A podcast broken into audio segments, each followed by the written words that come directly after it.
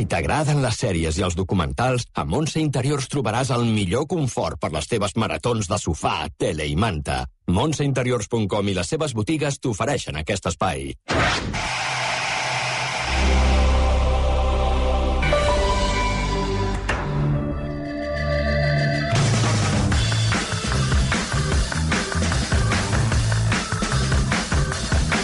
Ja tornem a ser amb vosaltres. Tres minuts arribarem a un quart de set del vespre. Tenim cita a aquesta hora, com cada dimarts. Eh, Mònica Planes. Mònica, bona tarda. Hola, bona tarda. Què tal, com estàs? Molt bé. Una tarda de sofà, tele i manta, com Sí. diu el patrocinador de la, Sí, sí, exacte. I Sí, llar sí. de de la secció, eh? I llar de foc, que és la que hem instal·lat aquí a l'estudi de RAC1. Bueno, hem instal·lat, a veure, eh, amb una pantalla. No, no fas crítica, eh, planes, de llars de foc a la tele? Sí, senyor, eh? ja vaig, vaig... No, no, no, que la vaig fer fa anys, eh, Ah, de totes les varietats de llars de foc que Hòstia. podies trobar a les plataformes, eh, molt variades i explicant doncs, els gustos que podia tenir cadascú, perquè fins i tot hi ha la variant d'un bidó metàl·lic, saps aquells de sota Sí. el pont, on la Sí. gent Sí. acaba fent foc? Doncs fins Nova i tot York. pots triar bidó metàl·lic.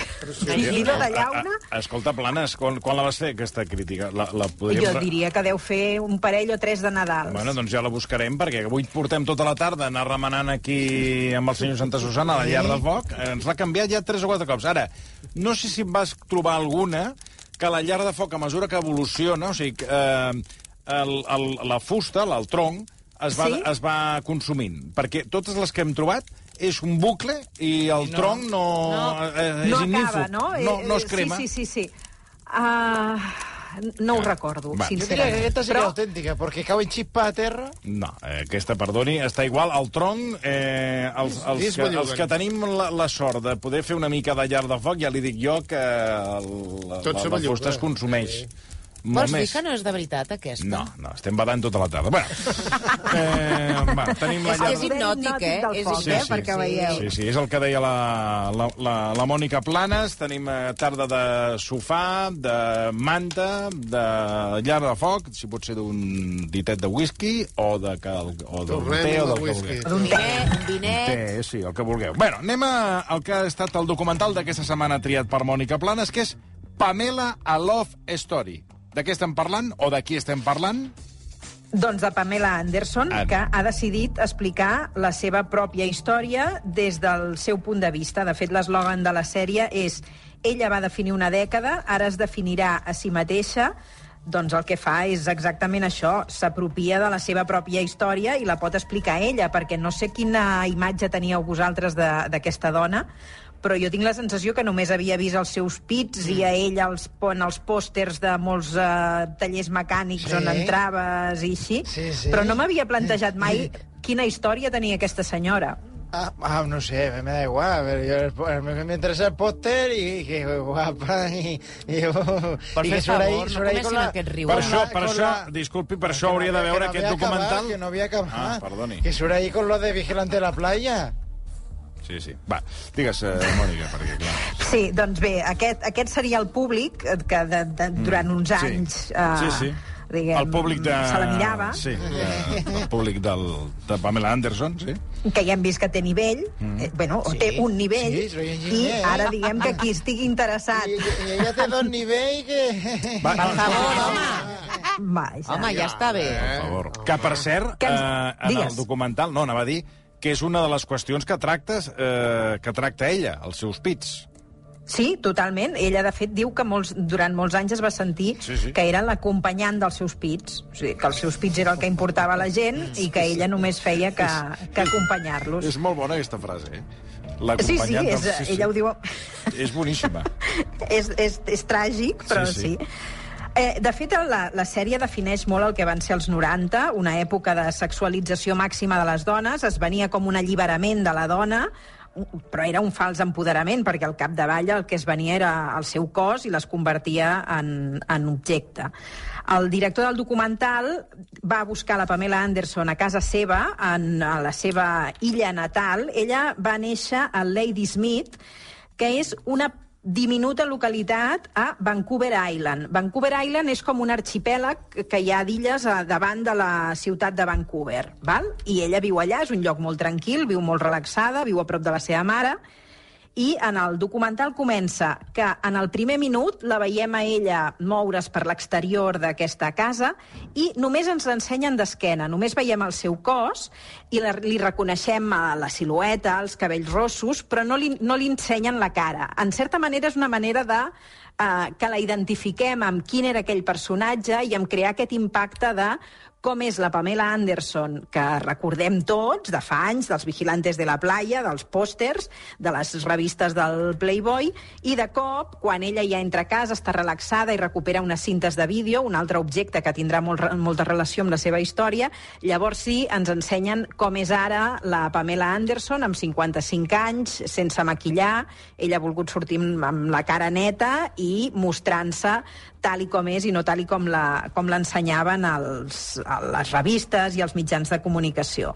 I en el documental es combinen aquestes entrevistes amb Pamela Anderson amb la lectura dels seus diaris personals, que és una de les coses que a mi em va sorprendre més de Pamela Anderson, i és que té caixes i caixes plenes dels seus diaris personals que escrivia cada dia i on ella expressava doncs, el que sentia davant dels esdeveniments que vivia. Ho, ho va fer des de molt petita i ho ha fet durant molts anys. I ara és un material que és or per aquest, per aquest documental. Um, I el que comença explicant és la seva infantesa i una infantesa eh, tràgica. Uh, no sé, Toni, tu que has Sí, sí, sí. vist el documental, si et vas, no et vas quedar una mica corprès perquè de cop aquesta història com de la infantesa entra com molt de, de sobte i, i, i molt tràgic, el, la tragèdia és com molt precipitada, no? Sí, sí. Ah, eh, no, es- podem, podem, si et sembla, començar el, el primer fragment del, Exacte. de, del, del que era uh, Pamela Anderson. Uh, la seva infantesa la deixaven amb un, uh, amb un cangur. No sé si era una, una cangur o Una un cangur, era una cangur. Una, cangur, i uh, el, els, els pares la deixaven amb la cangur, després parlarem dels pares, que també tenen un capítol a part, Tela, sí. i això és el que passava amb la cangur. Tenía una canguro y mis padres pensaban que era buenísima porque siempre traía regalos, pero en realidad abusaba sexualmente de mí. Sufrí entre tres y cuatro años de abusos. Me decía que no se lo contara a mis padres. Intenté proteger a mi hermano, intenté matarla. Traté de clavarle un bastón de caramelo en el corazón. Le dije que quería que se muriera. Al día siguiente falleció en un accidente de tráfico. Pensé que la había matado con mi mente y que no podía contarlo. És uh, molt bèstia, aquesta primera Sí, sí. història. Això només per Sobretot començar. per aquest... Exacte. I com això determinarà, tens la sensació que determinarà molt la seva vida. Ella precisament no, no, no volia explicar-ho als seus pares perquè considerava que els seus pares ja tenien prous problemes i aquí és on entren a quin paper tenien els seus pares a la seva vida, que era una gent que constantment s'estaven barallant, tirant-se els plats pel cap i després amb unes reconciliacions potser excessivament explícites davant dels fills. I després, amb només 12 anys, la Pamela Anderson pateix uh, una violació. Tendria per un, perdona, per un noi de, de 25 anys. Tendría 12 o 13 años. Y una amiga mía se pirraba por un chico mucho mayor que nosotras. Fuimos al piso de un amigo. Ella subió con el chico que le gustaba. Me puse a jugar al backgammon con su amigo abajo mientras la esperaba. Jugamos un rato hasta que me dijo, necesito un masaje. Él tenía 25 y yo 12. Me violó. Pensé que había sido culpa mía. Mi madre siempre estaba llorando por mi padre. No podía soportar hacerle más daño. Así que no se lo conté a ella ni a nadie. Intenté olvidarlo. Pero era como si lo llevase tatuado. Tenía el mensaje, he tenido relaciones sexuales grabado en la frente, cuando no quería que nadie supiera que lo había hecho.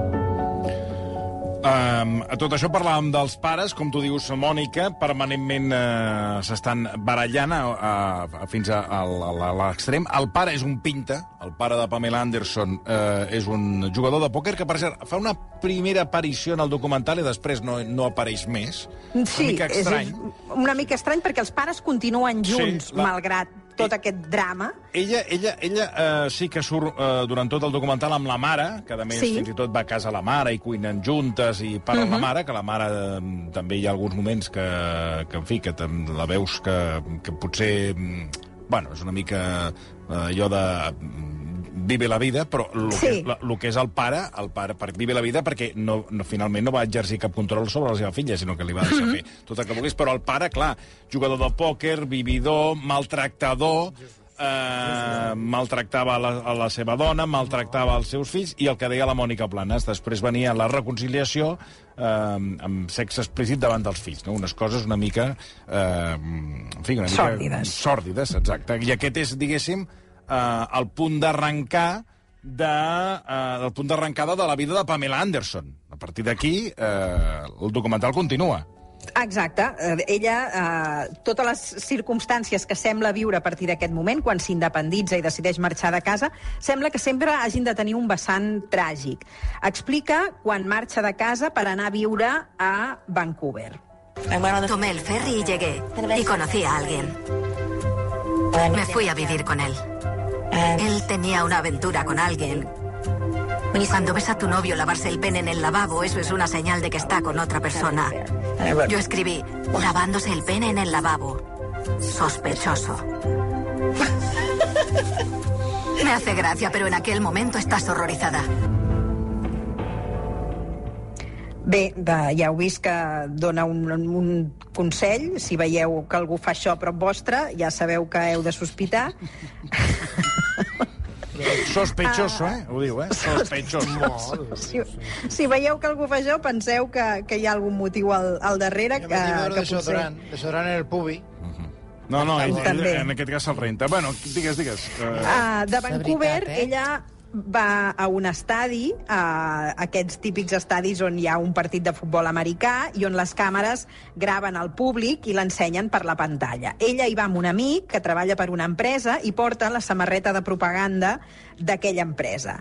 Què passa? Que en un determinat moment la càmera l'enfoca ella perquè és una noia molt maca i eh, ella saluda a la càmera i aquella empresa se n'adona que la noia és tan maca que volen que formi part de la seva publicitat, d'un anunci. I és precisament aquest anunci, una fotografia d'ella en una piscina, la que catapultarà la carrera de Pamela Anderson. És a dir, a partir d'aquí podrà viatjar a Los Angeles i tindrà una oportunitat per la revista Playboy i arriba a la mansió de Hugh Atenció, eh? Hefner. Atenció Que aquí hi ha pas- una part sí, sí. Terrible. Digues, Pobra digues. noia, la la, la mansió que- de Hugh Hefner eh, pensa malament i... I, I, i encara i- serà... I encara queda encara escur. se- Exacte, i encara serà Només pitjor. amb els apunts que van explicant en el documental d'aquesta mansió, que tothom la veia com... No, ha, és un lloc on, noies, on fan i- unes festes i jo vaig quedar horroritzat. Ah, per cert, que eh, ella explica que s'hi va trobar, entre d'altres, amb Simpen i un grapat de- de- de- de- d'actors de, de, Hollywood, vull dir que... Sí, sí, molta que... droga, Exacte. molta, molta droga, a tot d'actors de Hollywood que anaven a passar allà mm, l'estona, i tot de noies acarretades que arribaven amb, amb camions i que allà tothom, totes tenien el seu moment, la seva oportunitat d'entrar en aquesta mena de fàbriques de dones objectes per treure'n benefici. Allà la tenyeixen d'arròs, ella explica que el primer que fan és tenyir-li d'arròs, una cosa que ella agraeix, ella se sent molt identificada amb el ros del seu cabell, però explica clarament que li van fer eh, tenyir només arribar, i la ins- l'ensinistren amb quina serà tota aquesta eh, cosificació sexual. Ella es converteix en model de Playboy i al principi explica que li costava molt adaptar-se. De joven, era terriblemente tímida. Odiaba mi cuerpo. Recuerdo haber visto los números de Playboy que tenía mi padre. Los escondía bajo sus tebeos del pato Donald, pero yo los veía y pensaba, estas mujeres son preciosas, ¿por qué no me parezco? Siempre me encantaron las personas guapas en el instituto, pero nunca pensé que yo fuera una de ellas. Debido a todas las cosas que había sufrido de niña, mi cuerpo me causaba mucha vergüenza, mucha vergüenza por lo que me había pasado.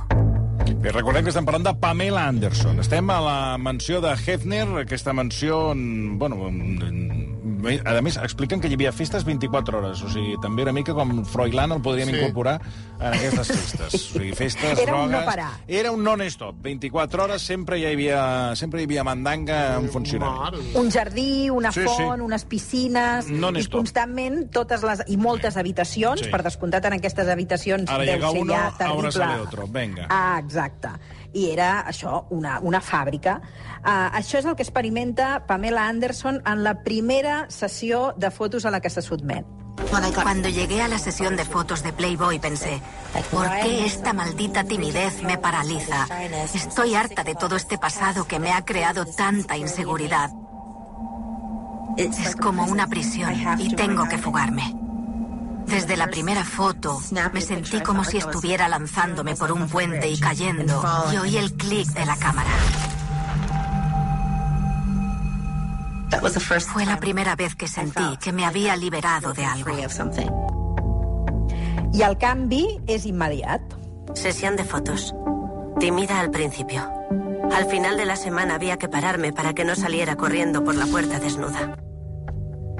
És un, una... Ella sent que, que es produeix aquesta transformació i aquest empoderament que, que li suposa. Recuerdo que en un momento dado estaba en la fuente chapoteando ligera de ropa. Sentí la seda y me la pegué a la piel. Me puso la carne de gallina y entonces sentí... Allí fue donde nació una mujer indómita. Sentí que aquello era una especie de salida hacia otro mundo. Iba a tomar las riendas de mi propia sexualidad, a recuperar mi poder, y lo hice a lo grande. Aquí és- escolta'm... bé, Aquí és on neix aquesta... Aquí neix la Pamela Anderson, que tots hem vist, que Sí. vam conèixer a la tele, a les revistes, als mitjans de, de, comunicació, Potter. de comunicació, i on ella se sent una persona nova, diferent i deslligada de tot aquest pes traumàtic que, que, que tenia en el passat, no? I eh, se n'adona també que la seva fama està lligada als seus pits, el que dèiem abans, no? La- L'acompanyant dels Bueno, seus perquè ella, pits. ella Mònica, se'ls se opera perquè es veu amb la resta de, de dones que hi ha aquí a la, la, la mansió aquesta del Mhm. Hefner, de Playboy, i totes tenen uns pits eh, exuberants, i llavors ella deci, decideix, per, com que es veu en aquest... O sigui, ella considera que està eh, un esglau per sota de la resta, diu, doncs jo també eh, m'afegeixo Vull ser com les i, altres. i, exacte, i eh, em faig eh, una operació dels pits. Sí, sí, que de fet ella, en certa manera, li diuen que s'ho faci com, com una cosa normal Sí. a fer-se per estar en aquest món, no? Per tant, ella ho assumeix com una, com una solució més per tirar endavant amb la seva, amb la seva, en la seva carrera, no? Uh, i, i, I així ho assumeix i, per tant, eh, ella ho integra amb una, amb una normalitat Sí, sí. extraordinària. Um, ella uh, comenta que això, uh, la importància d'aquests pits, i veurem com uh, en el documental hi ha un seguit de muntatge d'entrevistes i de, que li fan en, en, en els late shows i en els programes de- d'entrevistes als Estats Units, on, sobretot, tots presentats pràcticament per homes, i que sempre li estan preguntant... Tots, tots, tots no, crec sí. que la majoria, els late night, són tots homes i tots fan la mateixa... Inclús em va sorprendre veure a Larry King, teòricament periodista, mm. que no, en fi, que no estava per, per fer humor, No és el que va fer a l'Aznar. sí, eh? doncs que també li pregunta pel mateix, Mònica. Sí, sí, tots li pregunten uh, pels pits i ella explica el record que té d'aquestes experiències. No sé por qué interesa tanto. Me parece bastante grosero hacerles esas preguntas a las mujeres. Tiene que haber un límite que no se debe cruzar. Pero siempre esperé que surgiera algo que me permitiera hacer algo más interesante para los demás. Però perdoneu un segon, aquí, només a la primera setmana d'estar amb això dels Playboys, uh -huh. ja, ja, ja li van dir, opera-te ja i... Bueno, i sí, a la clar, feina"? perquè estava, li van dir, si tu vol... Després li ofereixen seguir a la mansió com a conejito, de Sí, quedar-se sí, allà, allà de, de, de conillet sí. Playboy. I aleshores, si, vol, si ja vol accedir a més treballs després de la sessió fotogràfica Claro. que fa amb Playboy... primer fan una sessió normal. I, i des, de, després eh, li diuen, si tu vols continuar treballant, tal, una de les coses que hauries Sí. que Ah, podries fer, per, i ella ho considera que per estar a l'alçada de, les, de la resta, és fer-se la... Això la ja, eh? L'augment de pits, sí. Bueno, la setmana, la setmana. Sí, sí, no a, està- a, a, a les primeres setmanes, Sí, a l'estar sí, sí. allà, és com si les transformessin a totes i les, Ah, les, ah, els hi donessin com un patró de tenyir-te d'arròs, operar-te els pits i com donar-los la forma Ah, del que ha de ser una noia Playboy. Aquestes entrevistes les aconsegueix al, a partir del moment que ella és portada de Playboy i diem que salta a la fama, té molt èxit, és una portada que té molta repercussió i és a partir del moment que mm, Pamela Anderson crida l'atenció a tots aquests senyors, fins i tot n'hi ha, ha un que li diu tu qui voldries ser? Diu, jo voldria ser tu. Diu, i per què? Diu, perquè així et podria donar la llauna a tu preguntant-te pels teus pits, no? És, és aquesta sensació de que tots els, els homes li, li estan preguntant pel, pel mateix. Uh, com que tots se centren als seus pits, ella comença a tenir el somni de voler fer alguna cosa més interessant. I quan diu més interessant vol dir convertir-se en actriu. I rep l'oferta de fer, al cap d'un temps, Los Vigilantes de la Playa. Ah, sí, sí. La veia jo en Antena 3. Home, i tant, aquelles, aquelles carreres a càmera lenta per la platja al costat de les onades. favor? Escolti. Eh, no cal aquest riure fastigós. És que em, Ja em posa... bé, tu. Mi, mira, és que em poso agressiva i tot, perquè em posa favor, molt tens aquest tota home. No l'aguanto. Pues ya me Aquest hubiera riure... gustado a mí eh, esta- ser vigilante de la playa. Hombre. No sé ¿A? Pues me hubiera encantado. No com cada dia ets a temps. Sí, però aquí, a la Barceloneta. Eh, digues, Ella és, ella és una feina que, que gaudeix molt fent-la, s'ho passa molt bé, i comença a ser un lloc on ella coneixerà molts dels homes amb qui començarà a tenir eh, relacions i trobar parelles. Que, com veurem en el documental, el fet d'enamorar-se, de trobar parella, de casar-se, eh, la seva relació amb els homes serà un dels fets, d'un dels eixos principals de la seva vida. Ella explica això sobre el fet de- d'enamorar-se i de la relació amb els homes. No eres dueño de nadie, nadie es dueño de nadie y tienes que dejar que los demás sean como son, pero a veces es mejor que no estén contigo. Prefiero tener un instante de amor que una vida deprimente. Me encanta estar enamorada, ser vulnerable y darme al otro. Es la única forma de vivir. Ser vulnerable. Me encanta vivir una vida romántica a diario. Una vez hablé con Sylvester Stallone. Me ofreció un piso de lujo y un Porsche a cambio de ser su chica número uno. ¿Eso significa que hay número dos? Él me dijo, es lo mejor que vas a recibir. Esto es Hollywood. Jo, Queda perdona, bé, Sylvester jo, Stallone. planes, quan vaig veure això, vaig pensar, és que la, tots aquests, aqu aquests, mm, aquests mites o de, van caient tots un rere l'altre, perquè que Stallone vingui i li digui tu puedes ser ser mi chica número uno. puedes ser la xica número uno. Te pongo un piso. O sigui, tenia, deu tenir un catàleg de, Sí, sí. de dones Totalment. a, en pisos de luxe de diferents llocs. Mi chica a canvi número de mantenir-les. Claro, pero fíjate lo que le diu Pamela, que entonces eso que quiere decir que hay la número 2, la dos, número la 3, tres, la número la quatre, 4, efectivament. totes en pis esperant a Sylvester Stallone. I això és una cosa que ella no ha estat mai disposada. No. És a dir, ella està disposada a patir per amor, a, enamorar-se les vegades que faci falta, però el que no ha acceptat mai Pamela Anderson és que l'enganyin. En aquest sentit, hem de dir que és una persona que entén l'amor com una vulnerabilitat, és a dir, un espai on seràs ferit eh, fàcilment i on, i on realment eh, implica una submissió a l'altre. Segurament aquí trobaríem part de, del, del seu error a l'hora d'entendre les relacions de parella, però a més a més té aquest, eh, aquest punt Uh, com us ho diria, de, no sé, mm, de, de fracàs, no? I de, de, eh, és, com, és com tràgic. Això ho veurem amb aquesta compulsió que té per, per enamorar-se i casar-se. Aquí un d'aquests homes que coneixerà serà Tommy Lee, estrella del rock, drogadicte, es casen després de molt pocs dies d'haver-se conegut i és qui esdevindrà el pare dels seus fills. Aquí potser no, no entrem en molts detalls per la gent que vulgui veure el documental, que sàpiga com viuen aquest amor i com és aquesta mm, relació al principi.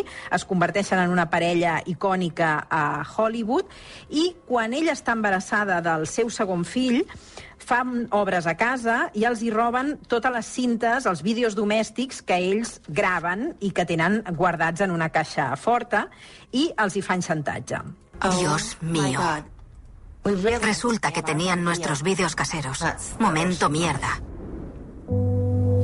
Éramos dos recién casados. Pasábamos todo el tiempo desnudos y nos grabábamos en vacaciones y ocasiones así. Hacíamos el ganso. Por ejemplo, él tocaba la bocina con el pene. Lo que hicieron fue reunir las imágenes de desnudos de las ocho cintas y las juntaron para que quedase sensacionalista. No sabíamos quién había enviado la cinta. Jo això no ho he fet mai, No, no, jo no senyor. Això va ser molt comentat, eh? Jo aquesta imatge és de les que recordo... La, la imatge que recordo d'aquest famós vídeo és aquesta, que va impressionar tothom. El vas veure, que- el vídeo? No, jo vaig veure aquest fragment, que Val. era, era un fragment que la gent, la gent el comentava i recordo que era el fragment més que cridava més l'atenció. La resta del vídeo... Ell jo no bu- vist, la botzina no he vist mai uh, ni a Tommy Lee ni a Pamela Anderson fent sexe, no m'ha interessat mai, però sí que aquesta imatge, eh, que era molt comentada en el seu moment, Sí. clar, ell, ell tenia un mànec eh, realment espectacular Sí, perquè a mi no m'arriba, eh? i, i l'agafa i el mànec el posa sobre la botzina de la, de la, de la lanxa i toca el, el claxon. Clar, és una imatge que a veure, va impactar en un moment determinat. Maria. Però la resta de vídeo no me'n preguntis perquè no vaig veure res ni em va interessar. Si va Ah. interessar la tita del, del marit. Ella- marit. No em Ella va interessar, em, explica- em van dir, escolta... Sí, sí, és el que et va agradar, ja ho estàs dient. No, em va agradar. T'agraden les tites, que bueno, No, bocines. senyor, em va, em, bueno, em va cridar l'atenció.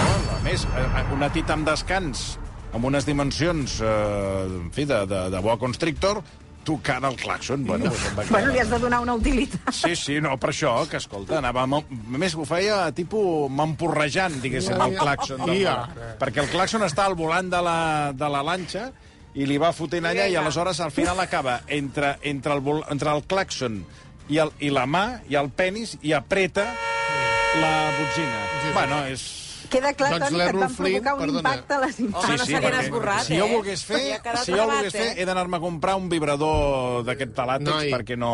Diu que l'Errol Flynn tocava el piano. També amb el penis, sí, sí, també s'havia explicat. L'Errol Flynn, eh? El del sí, sí, Robin, ja- Robin Hood. Sí, sí, sí, sí, ja sabem qui és. Ja bueno, què més, uh, Mònica? Aquí, amb aquest robatori de les cintes, comença un dels grans traumes de Pamela Anderson, que acaba implicant el divorci de Tommy Lee, i és el fet d'afrontar un judici que, com veurem, en aquella època, doncs, el fet de que et poguessin robar unes imatges personals i difondre les eh, imatges de tipus sexual no era considerat eh, delicte, i menys si consideraven que tu eres part responsable d'aquella exhibició. No? Eh, Pamela Anderson explica així doncs, el moment d'afrontar el judici. Recuerdo que entré en la sala llena de hombres que tenían fotos de desnudos míos. En resumidas cuentas, el abogado dijo, como trabajas para Playboy no tienes derecho a la intimidad. Aquello fue un poco ultrajante, pero me preguntaron por mi vida sexual. Yo no hacía más que pensar cómo pueden preguntarme por mi sexualidad, mis preferencias, las partes de mi cuerpo y dónde me gusta hacer el amor, basándose en algo robado. Hicieron que me sintiera como una mujer horrorosa, como un pedazo de carne, al que aquello no debería importarle nada, porque al fin y al cabo no era más que una zorra. No mostraron mucha comprensión. Pensaron, como sale en Playboy, le gusta aparecer desnuda en público. És un dels moments més que ella explica amb més dolor i amb més I que té- eh, i que té sensació tota de la raó, eh? Totalment, totalment.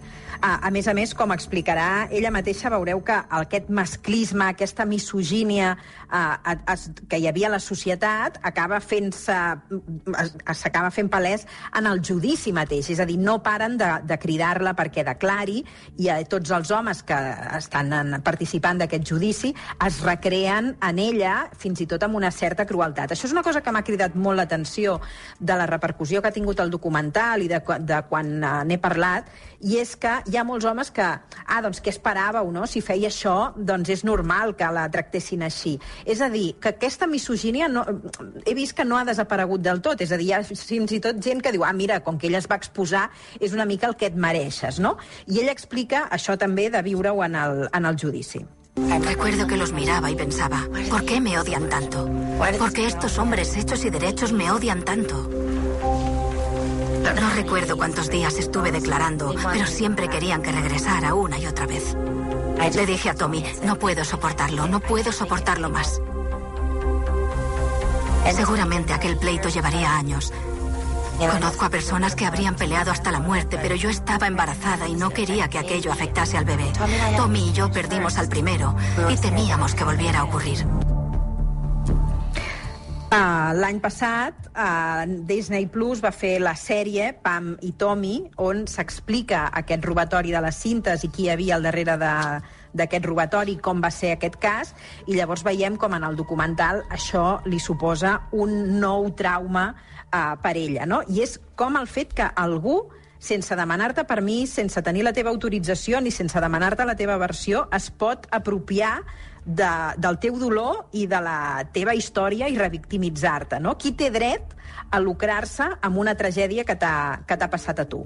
¿Por qué sacar algo de hace 20 años y joder a alguien? La peor época de su vida y la conviertes en una semicomedia. No tiene razón de ser.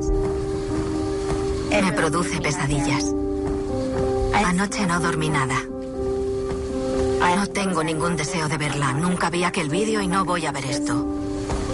Quién sabe cómo lo retratarán. Nadie sabe por lo que los dos pasamos. Deberían haber solicitado mi autorización.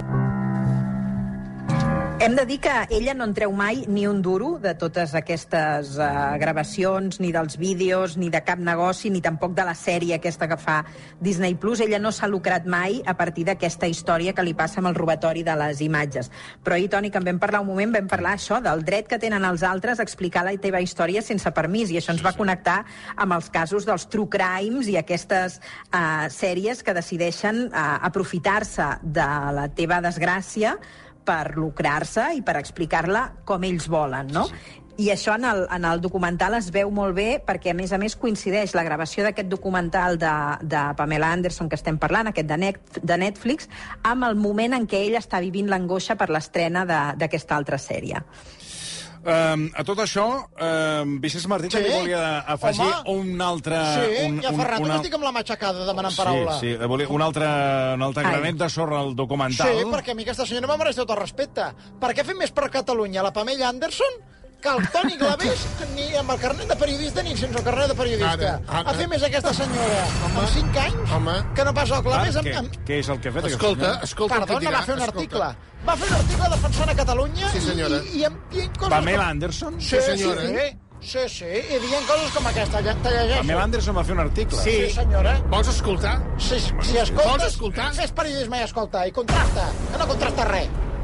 Llegeixo. Pamela Andersons. Més enllà del resultat final, els catalans... Això és del 2017-2018, eh? Del, del voltant del referèndum de, la Després del referèndum. Després Sí, del referèndum, Sí, del senyora. 2018. Sí, senyor. Llegeixo. Més enllà del resultat final, els catalans haurien de tenir una oportunitat de tracte just similar al del referèndum per la independència escocesa del Regne Unit. Bravo. Suport al poble català i el seu dret a determinar el seu futur i com governar els seus assumptes. Bravo. I segueix la mamella, eh? Continua dient això. Mamella, els catalans eh? s'han sentit reprimits durant molt de temps i havien de fer alguna cosa. El Partit Popular és el tipus de partit que treballa sobre la base de la provocació Muy bien. i ha estat durant una dècada mostrant als catalans i prèviament als bascos un dit. Muy bien. I afegeixo ja... Tot això ho, ho ha escrit... Mamella Anderson. Pame- sí. Mamella Anderson. No sabia que estigués tan informada sobre Pamela. I la qüestió catalana. I segueix, Ah, eh? escolta, escolta, escolta, Escolta, escolta, escolta, això que, no tu, que tu no vols sentir només el que vols al programa. No. Però segueix, eh? El govern... es- Llegeixo. El govern espanyol ha sigut completament imbècil Mira, i ha alimentat aquesta... torna-ho a dir, no, no, no, torna-ho a dir. El govern espanyol ha sigut completament imbècil. El govern espanyol ha sigut completament imbècil i ha alimentat aquesta provocació. I referit al rei Felipa... Felipa, al rei, Felipa. Al rei Felipa i el discurs del 3 d'octubre, la mamella diu això. Pamela. La Pamela, per favor.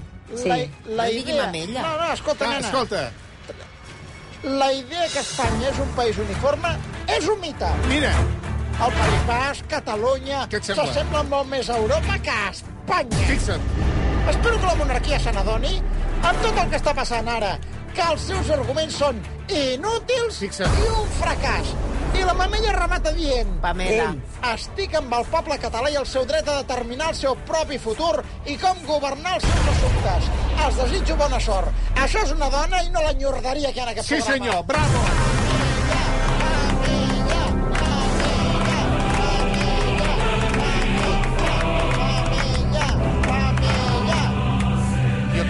Ser la propera presidenta Sí, sí. de la Generalitat de I Catalunya. de l'ANC.